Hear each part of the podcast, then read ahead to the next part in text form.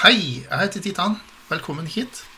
Hvis du hører på podkast, så hører du på Snakk om kink nå. Og hvis du ser på YouTube, så er du på kanalen som heter BDSM på norsk.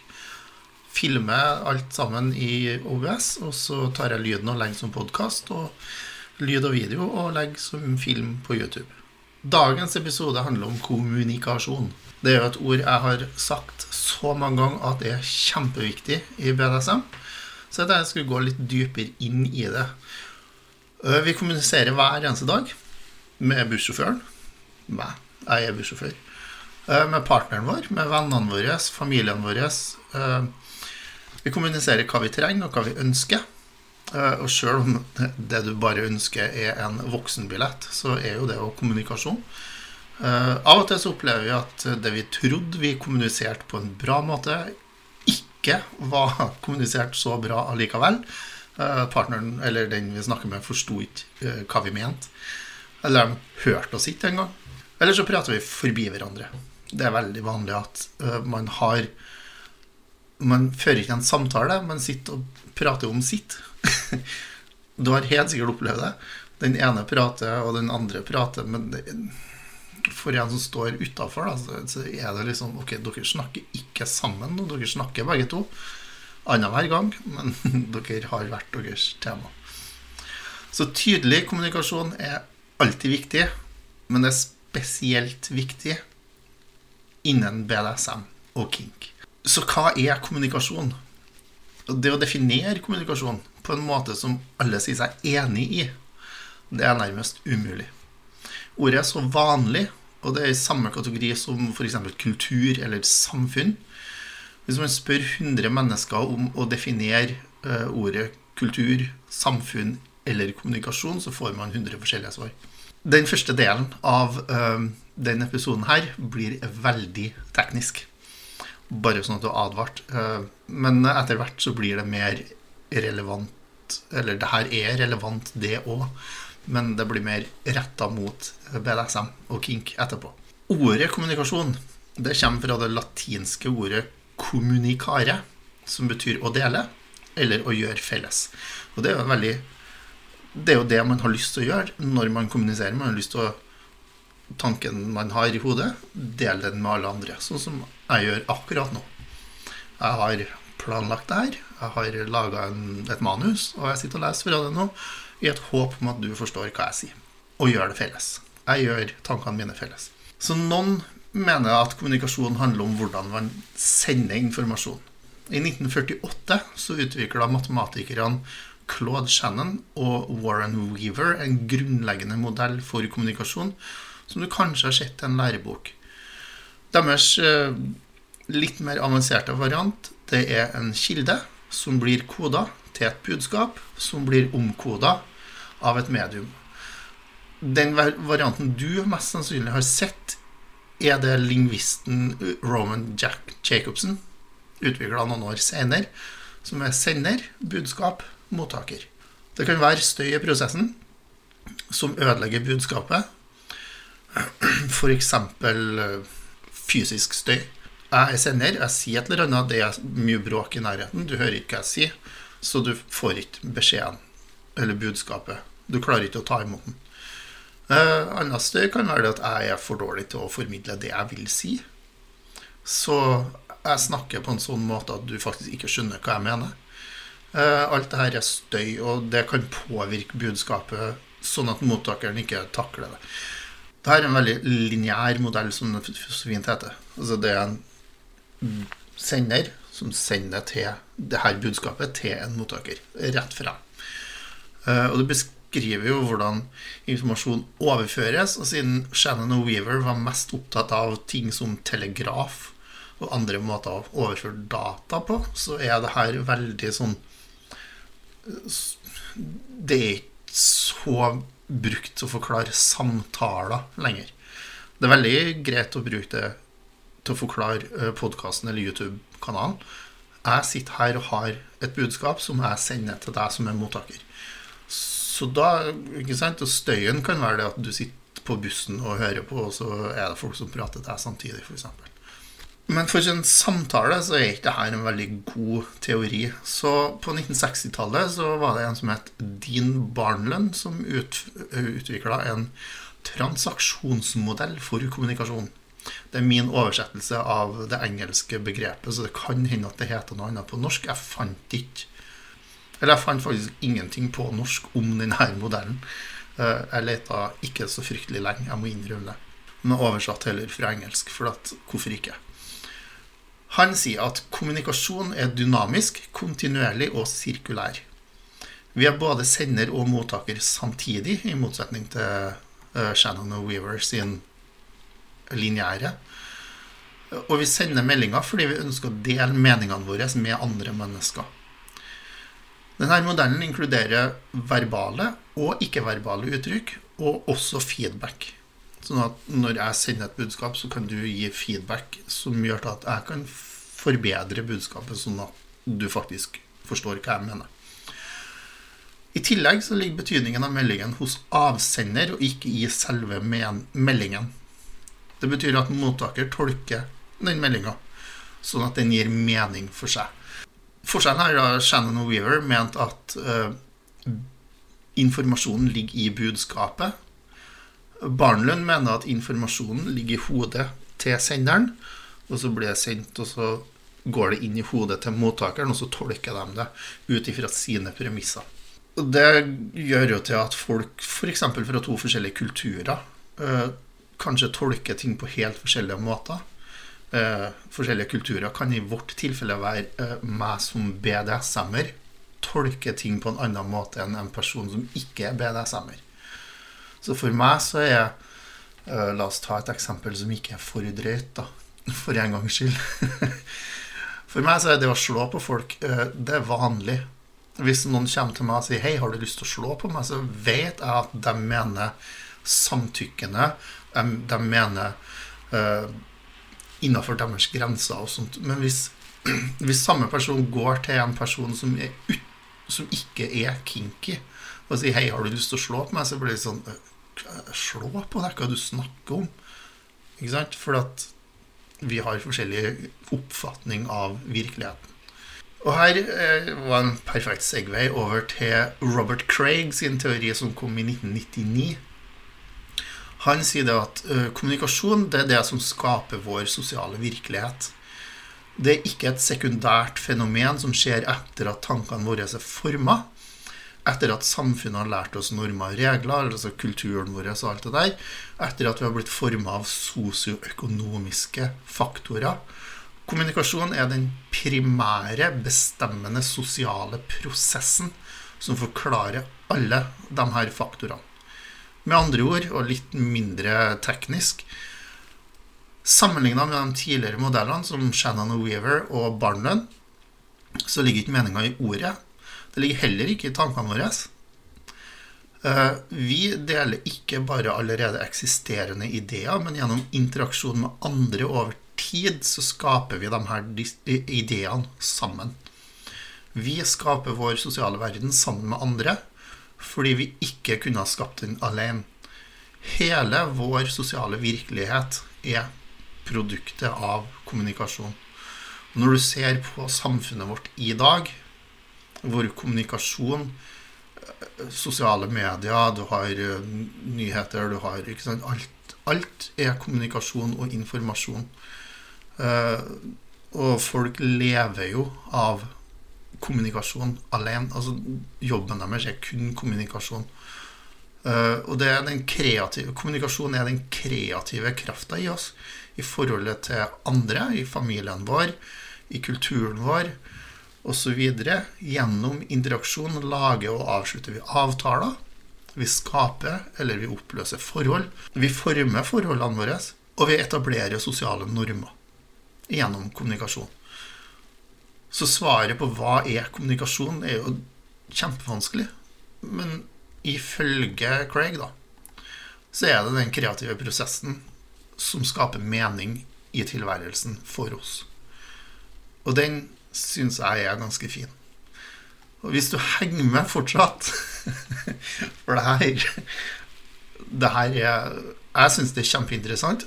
Du syns kanskje ikke det her er interessant i det hele tatt. Altså, teori om kommunikasjon. Hva, Christian, hva er det du driver på med i dag? Men jeg er ferdig med kommunikasjonsteorien nå. Og jeg lover at eh, resten av episoden blir mer retta mot det du kommer hit for å få med deg, nemlig BDSM, kink osv. Så, videre. så la oss snakke om kommunikasjon i BDSM. For det første så vil jeg si at det finnes ikke en 'den rette veien' eller 'den rette måten' å gjøre BDSM på. Den eneste fellesnevneren er samtykke. Den eneste fellesnevneren er samtykke og kommunikasjon. En, nå høres jeg ut som 'Nobody expects the Spanish, Spanish Inquisition' her. Fellesnevneren er samtykke og kommunikasjon. Hvis den submissive samtykker til at du kan være en drittsekk, så er det deres valg. De har samtykka til det. Den dominante er ikke en som vet alt. Det har vi også snakka om tidligere. Altså, du vet ikke alltid hva den submissive ønsker uten å prate med dem. Hvis du ikke er villig til å lytte til partneren din, så er du ikke en dominant, du er en overgriper som har titulert deg sjøl som f.eks. master. Men du er fortsatt en overgriper. For hør på den du leker med. Kommunikasjon. Sunn BDSM trenger god kommunikasjon. Fra det første møtet til dere føler at dere har leka ferdig og avslutter lekeforholdet. Dialog krever at du uttrykker hva du ønsker, og kommuniserer det her til partneren din. Hvis du setter ord på det du ønsker, og det du kan gi, så er det mye lettere å finne en partner som ønsker det samme som deg, og har lyst på det du kan gi. Hvis det dukker opp et problem, så er folk som kommuniserer, mye bedre rusta til å løse det problemet enn dem som ikke kommuniserer. Alle skjønner jo det at folk som prater sammen, de løser problemer. Folk som ikke prater sammen, de kanskje til og med skaper problemer. Det å snakke om sex, det kan være sexy. Men det er ikke like enkelt for alle. Det største problemet vi kan møte, er at vi ikke lytter. Altså den vi prater med, lytter ikke for å forstå. De lytter for å gi svar. Du har mest sannsynlig møtt en som gjør det. Når du lytter aktivt, så hører ikke du bare ordene som blir sagt. Du gjør ditt beste for å forstå meningen i dem. Aktiv lytting er noe av det viktigste for å være en god kommunikator. Kommuniserer. En som er flink til å kommunisere. Kommunikator. Jeg tror det heter kommunikator. Hvis du ikke lytter aktivt, men hører at nå prater motparten, jeg må ha et godt svar til det her, så får du kanskje ikke med deg hva de faktisk mener, og så svarer du noe som er helt ved siden av poenget deres. Så bruk øyekontakt, bruk kroppsspråk til å vise at du har forstått, og bruk dine egne ord til å vise at du hørte hva partneren prøvde å si. Hvis jeg sier jeg har lyst til å bruke en flogger til å slå på deg med, så kan du si ok, eh, hvis du har lyst til å bruke en flogger til å slå på meg med, så vil jeg at du skal slå et eller annet, et eller annet. ikke sant? Da har de vist meg at de fikk med seg at jeg ville bruke en flogger, og de fikk med seg at jeg ville slå på dem. Det var et veldig enkelt eksempel. Men hvorfor gjør det vanskeligere enn det her? Ikke avbryt partneren din når de forteller hva de ønsker eller vil, men vent til de er ferdige, og, og lar deg snakke. Du trenger ikke å begynne å tenke på svaret ditt mens partneren din snakker. Vent til de, til de er ferdige. Og når det er din tur, så har du faktisk rett til å bruke litt tid til å tenke ut et svar, og finne den beste måten å si det på. Eh, det er utrolig vanskelig å prate med folk som ikke tar seg tida til å tenke ut et svar. Eh, noen er veldig raske i hodet, så svaret kommer automatisk eh, fordi at de har tenkt så nøye gjennom alt det her på forhånd. Jeg kan være litt sånn. Jeg vet det jeg har gått i den fella flere ganger at jeg tror jeg svarer på det som ble spurt om, fordi at jeg hørte den første delen av spørsmålet. Men jeg fikk ikke med meg den siste delen av spørsmålet fordi jeg hadde jo et svar. Så jeg satt bare og venta til at de var ferdig med å prate, og så kunne jeg si svaret mitt. Og så viser det seg at den andre delen av spørsmålet vrei hele greia over til noe helt annet enn det jeg faktisk svarte på. Så bruk litt tid, spesielt under forhandlinger før leik. Ikke, ikke ras gjennom forhandlingene. Ta dere god tid. Hør, lytt, tenk og så prat. I Forsvaret så kalte vi det tenk, trykk, tal når vi snakka på samband. Tenk gjennom hva du skal si. Trykk på 'nå er det jeg som sender på sambandet', og så sier du det du har tenkt ut. Vær i øyeblikket, som jeg sier, og la samtalen ta tid.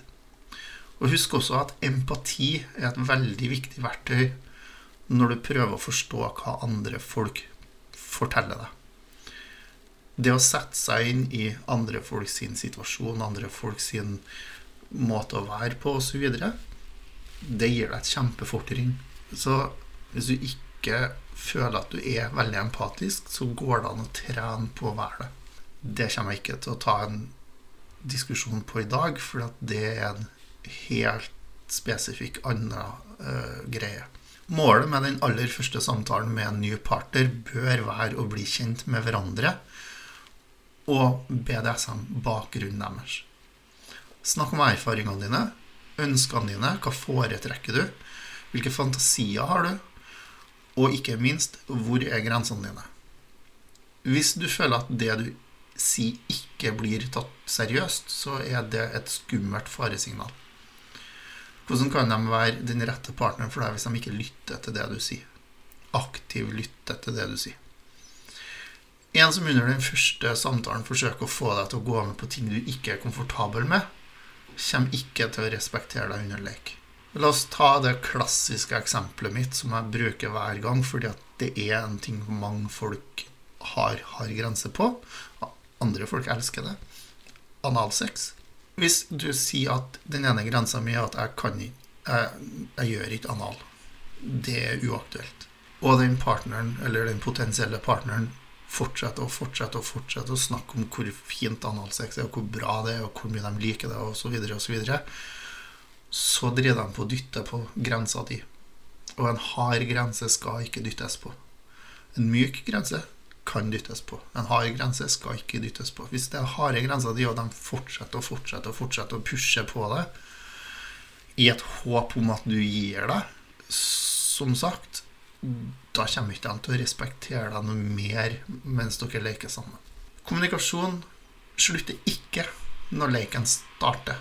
Det er også veldig viktig. Forhandlingene er ferdig. Forhandlingene er over. Dere begynner å leke. Men kommunikasjonen fortsetter. Du kan vise med ord, med lyder, med kroppsspråk hva du liker, og hva som du ikke liker av det partneren din gjør. Begge to kan gi signaler om hvordan kroppen din virker ved å, å lage lyder, eller ved å, å, fortelle. Rett og slett si OK, det her gjør meg opphissa, det her liker jeg, det her er perfekt for meg. Jeg liker ikke det her så mye. Det er faktisk lov. Uh, enkelte typer lek, sånn som eh, MS, altså master slave, da er det ikke sikkert at du bør gjøre det. Du kan ha et tegn på 'Kan jeg få lov til å prate, master?' eller 'mistress'. Og hvis du da får lov til å prate, så kan du si det. Men du kan fortsatt vise med kroppsspråk at det her liker ikke jeg. Og hvis master eller mistress er flink til å lese kroppsspråk, så ser de det. Så justerer de.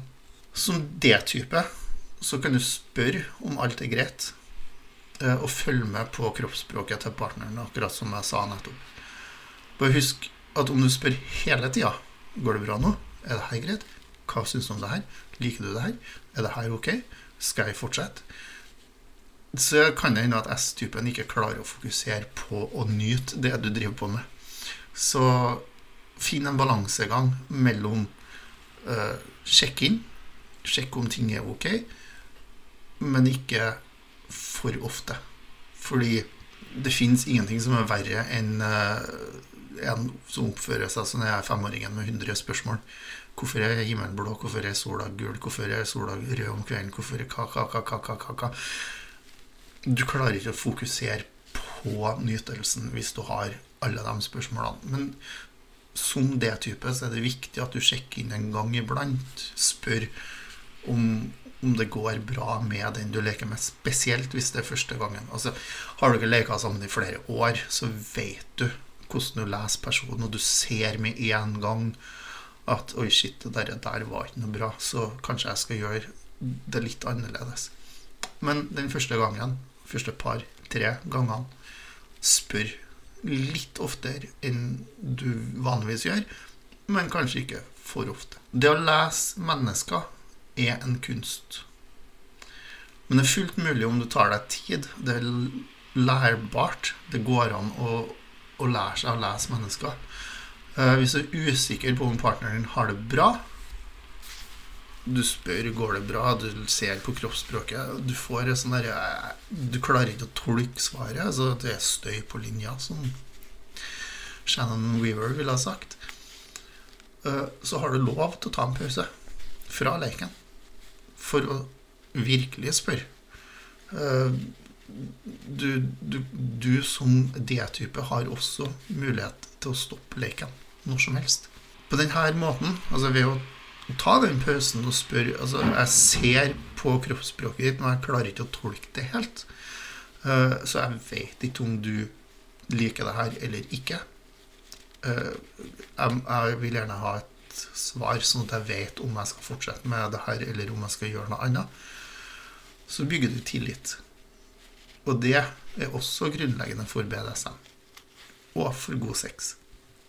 Uten tillit, kommunikasjon og samtykke, det har jeg også sagt mange ganger, så blir det ikke bra. Uansett hvor flink du er til å svinge på en cane eller flogger, eller uansett hvor, ja, hvor lenge du har holdt på, skal jeg si. Etter at dere er ferdig med selve leken, så er det tid for aftercare og debrief. Aftercare og debrief er to helt forskjellige ting, eller det kan være det samme. Det er noen som gjør det samtidig. For meg så er det to forskjellige ting.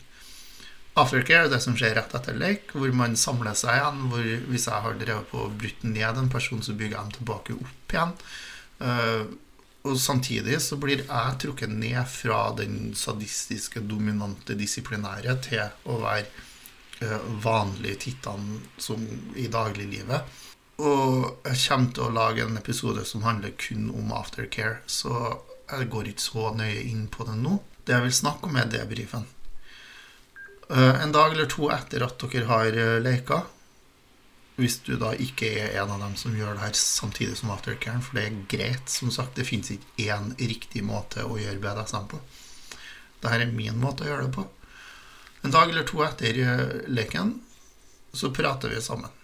Det kan være på telefon, det kan være på Snapchat, det kan være på ansikt til ansikt på en kafé, det kan være hva som helst.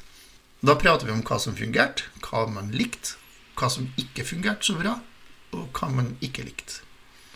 Dette må selvfølgelig gjøres på en respektfull måte, eh, sånn at man kan løse eventuelle problemer som har dukka opp, og sørge for at neste gang det blir leik, så blir leken enda bedre, for at man husker debrifen. Det som ikke fungerte, det kanskje man ikke gjør det neste gang. Det som fungerte bra, det kan man jo gjøre mer. Det kan jo til og med brukes som belønning. For en D-type spesielt, men kanskje også for en S-type, så kan det være veldig vanskelig å høre at noen syns at det du mente var veldig bra, ikke fungerte for dem. Det kan i verste fall gjøre at den ene partene, parten av uh, lekeforholdet velger å avslutte hele forholdet. Men det er faktisk bedre enn å mistrives under lek. Hvis jeg hadde leka med noen som ikke lot meg gjøre noe sadistisk, som ikke lot meg være disiplinær, men bare dominant, så hadde ikke jeg kunnet leke med dem. Fordi jeg er alle tre delene. Det er alt, det er alt eller ingenting. så enkelt det er det, det, som allikevel er mer vanlig enn at noen avslutter lekeforholdet, er at begge partene etter denne debrief-samtalen føler at de er blitt hørt, fordi de kommuniserer på en god måte. Tilliten kommer tilbake hvis den ikke var der fra før, eller hvis den forsvant litt under leken, og man gleder seg til neste gang. Alle som går inn i BDSM, alle som driver med BDSM, har forskjellige forventninger, forskjellige ønsker forskjellige erfaringer.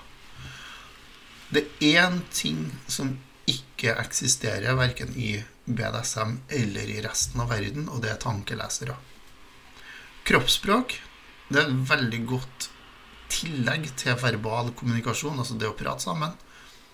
Noen ganger så klarer man ikke å uttrykke det man føler med ord, men kroppen viser det tydelig. Det er derfor det heter kroppsspråk, altså har ordet språk i seg. Og det er en veldig stor del av hvordan vi kommuniserer. Noen sier at det er helt oppi 80% av all kommunikasjon menneske til menneske er kroppsspråk. Så når jeg sitter her og egentlig bare er sånn talking head, så ser du ikke så mye av kroppsspråket mitt, men du ser ansiktsmimikken min, og du ser øh, kanskje hånda mi som gestikulerer litt på sida. Hvis du hører på, så ser du ingenting. For da hører du jo bare. Så det er jo Da, da sier ikke kroppsspråket mitt i det hele tatt. Alle har forskjellige kroppsspråk. Og det tar tid å lære hvordan en ny partner uttrykker seg gjennom sitt. Og det her jeg kommer inn på det med tankelesing. Hvis du vet hvordan ditt eget kroppsspråk er, så kan du fortelle det til partneren din, sånn at det er lettere for dem å lese det.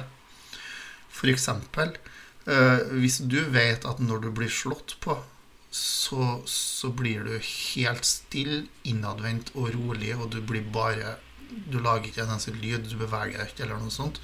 Si det til partneren din før de begynner å slå på deg, så de ikke tolker det på en helt annen måte. Så derimot er en person som får ett slag, hopper rundt i rommet i flere minutter, og sånt, så si det også. Det første kan være litt sånn OK, eh, slo jeg så hardt at jeg slo dem i stykker nå? Eller slår jeg så svakt at de ikke reagerer i det hele tatt. Altså skal jeg slå hardere når du ikke reagerer i det hele tatt, når du bare er helt stille og sånt. Og hvis du får ett slag og hopper rundt og spretter og sånt, så er det liksom Shit, hvor hardt var det slaget egentlig? Jeg trodde jeg holdt igjen, men, men hvis det er reaksjonen din, så fortell det på forhånd. Fordi du kan f.eks. si det at jeg kommer til å sprette rundt fordi jeg liker ikke å bli slått, men jeg liker selve smerten. Uh, så bare la meg sprette litt. Jeg kommer til å gå tilbake og stille meg på plassen, for jeg vil bli slått. Hvis du da tenker å ha denne personen som fast lekepartner, så kan det være lurt å bruke litt ekstra tid på å lære deg kroppsspråket deres. For hver gang dere leker, og du lærer mer, så vil det være lettere å finne den gode flyten i leken. Når dere kjenner hverandre godt, etter å ha leka sammen i kanskje et år eller to, så virker det på andre som at dere leser tankene til hverandre. Eh, den dominante kan f.eks. bare med et blikk få den summissive til å stille seg i en eller annen posisjon. Eh, den summissive kan på en måte forutse hva den dominante har lyst til å gjøre neste gang, og bare gå og gjøre seg klar fordi dere kjenner hverandre så godt. Det virker på dem som står utafor, som tankelesing, men det er rett og slett erfaring med partneren. Om du er litt mer sånn som meg, som er god til å lese kroppsspråk, så kan det virke at du leser tankene til folk du ikke kjenner så godt. Men vær forsiktig med det her, fordi det kan hende at du tror at du er flinkere til å lese kroppsspråk enn du faktisk er. Og hvis du tolker kroppsspråket feil, så ødelegger du stemningen i leken. Eller risikerer du i hvert fall å ødelegge stemningen i leken. Ok, uh, la oss avslutte episoden med å gå fra lekepartnere til miljøet generelt. For kommunikasjon mellom foreninger og medlemmer uh, er viktig. Uh, at foreningen kommer ut med informasjon om når er det treff eller munch? Når er det fest? Hvor er det? Og alt det der. Det er jo superviktig, for ellers så blir det ikke noe miljø. Kommunikasjon mellom foreningene er også viktig, fordi hvis det er en person som er et problem, som har Si at det er en person som har blitt ekskludert fra losjen, da. Eh, så sender jo jeg som leder av losjen en melding til alle de andre foreningene i Norge, for vi samarbeider om at denne personen er ekskludert fra Losje Sol og Måne fra dags dato. Eh, hvis de kommer og har lyst til å bli medlem til dere, så er det her grunnen. Altså en kort forklaring med hvorfor. Det er for at det skal være sikkert for alle. Eh, for den, altså, eksklusjon er ikke noe vi tar lett på. Du skal ha trampa ganske langt og hardt over streken før det skjer.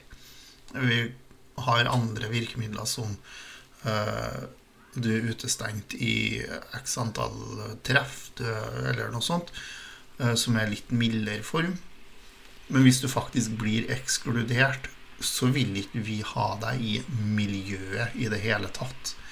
Uh, og da er det viktig at lederne i de andre foreningene vet at du faktisk ble ekskludert. Og hvis si Sørlandet BDSM ekskluderer et medlem, så sender de melding som jeg kan lese og si at ok, den personen her, hvis de kommer til Trondheim, så får ikke de får ikke engang komme på åpent treff til oss.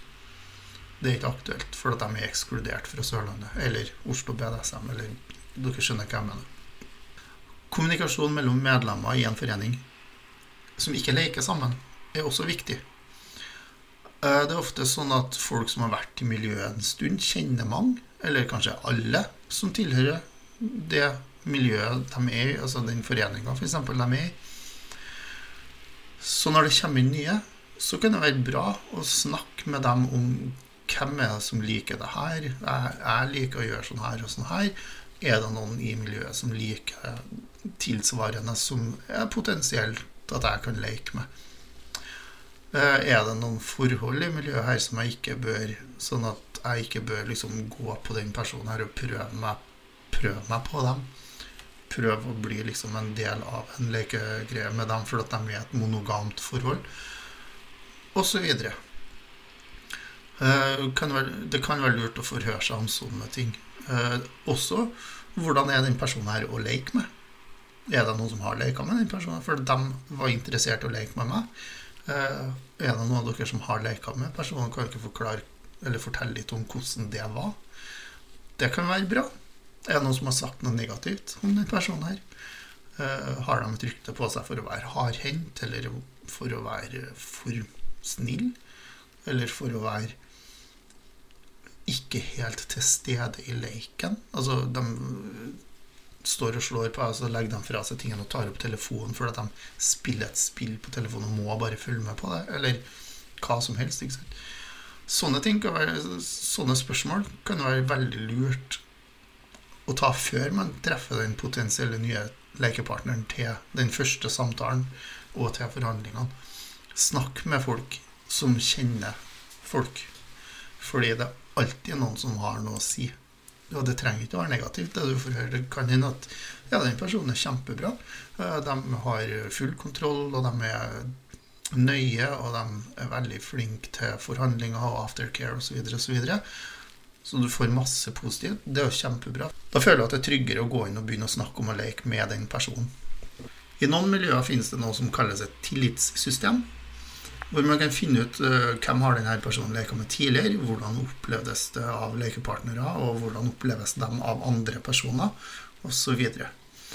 Det kan være så uformelt som det jeg snakka om i sted, at man spør litt rundt, og så får man uh, noen svar fra dem som man spør. Men det kan også være veldig formelt. Uh, ved at den enkelte har ei liste over navn på folk som kjenner dem både fra leik og fra miljøet generelt, eh, som de rett og slett gir til den potensielt nye partneren sin. Eh, sånn at de har muligheten til å spørre direkte. Alle på lista har sagt ja til å være referanse. Litt sånn som hvis du skal søke en jobb og har en referanseliste med i CV og alt det der. Så hvis du havner i et miljø som har det her tillitssystemet veldig formalisert, og de sier 'her er referansene mine', med telefonnummer og navn eller nikk. Eh, og klokkeslett med når på dagen de kan ringes. Eh, jeg vil at du ringer tre eller fire stykker av dem og spør Og et av spørsmålene du stiller dem, er Har du noen andre jeg kan ringe til som ikke står på lista hans eller hennes? Fordi man kan eh, det som på fint kalles cherrypick. Man kan plukke ut bare positive folk og sette på referanselista si. Men hvis man da har som spørsmål Har du noen andre jeg bør ringe til? Så kan du få folk som uh, som gir deg lista, ikke har tenkt på. Eller som jeg kanskje ikke egentlig hadde lyst til at skulle bli oppringt. Eller, ikke sant? Sånn at du får ikke bare folk jeg har godkjent som dem jeg vet kommer til å snakke positivt om meg. Det er ett problem med en sånn formalisert eh, tillitsliste, eller referansesystem, eller hva man skal kalle det. Og det er hvis du er helt ny. Hvis du er helt ny innen BDSM og i miljøet, så har du ingen referanser.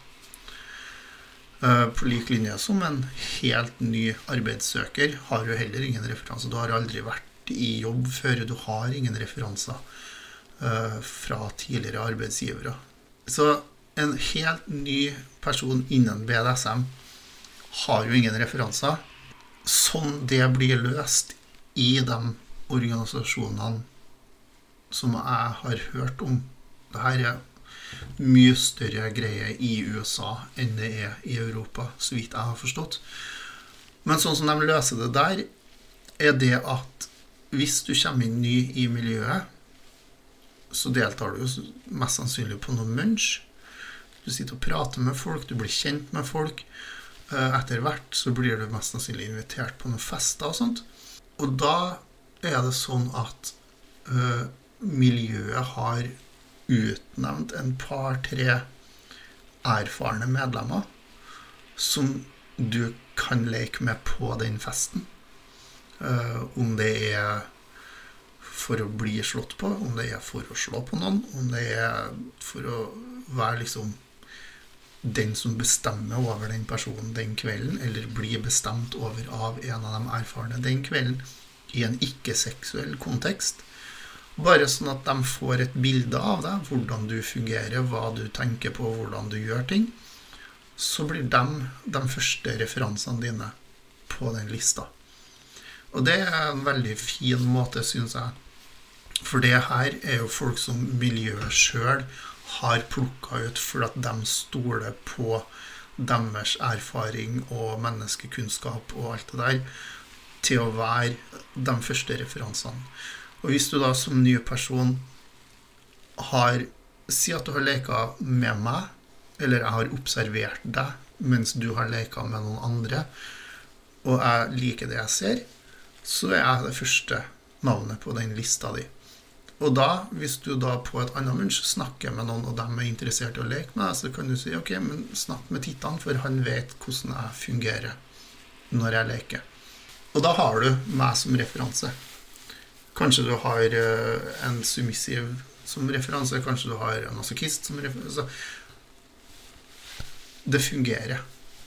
Og det trenger ikke å være leika med heller. Det kan være uh, Jeg kjenner jo folk tilbake til 90-tallet, som er fortsatt aktive i BDSM. Eh, noen av dem har vært aktive i BDSM, men er ikke lenger nå. Men de kjenner jo meg fortsatt. De kunne også stått på en liste her som sånn her uh, Forklare hvem jeg var den gangen de kjente meg. Uh, kanskje de kjenner meg fortsatt, selv om de ikke er medlem av miljøet. Eller kanskje de ikke driver på med kink lenger, men de kjenner jo meg som person fortsatt. Har han forandra seg? Nei, han har om ikke, om ikke annet så har han kanskje blitt enda mer spesifikk på hvor viktig det er med samtykke, kommunikasjon og tillit. Så det tillitssystemet Jeg liker tanken. Så det var dagens episode om kommunikasjon. Jeg håper jeg klarte å kommunisere den på en bra måte. Ehm, jeg håper også at du ikke sovna under den kommunikasjonsteoribiten på starten, sånn at du fikk med deg Eh, den mer BDSM-retta delen mot slutten. Og så håper jeg at du har en veldig bra helg. Jeg vet at helga mi kommer til å bli kjempegrei, for jeg skal til Oslo og være på styresamling i Smil. og med masse kule folk. Så det kommer til å bli en bra helg for min del. Uh, og så er det viktig for meg å presisere, som alltid, at du må huske på én ting. Det er lov å være kinky. Og det er veldig artig. Særlig når du har fått samtykke, når du har god kommunikasjon, og når tilliten er der. Da er det kjempegøy. Ok, så eh, som sagt, ha en fin helg, og så snakkes vi ved en senere anledning. Ha det bra, og takk for meg.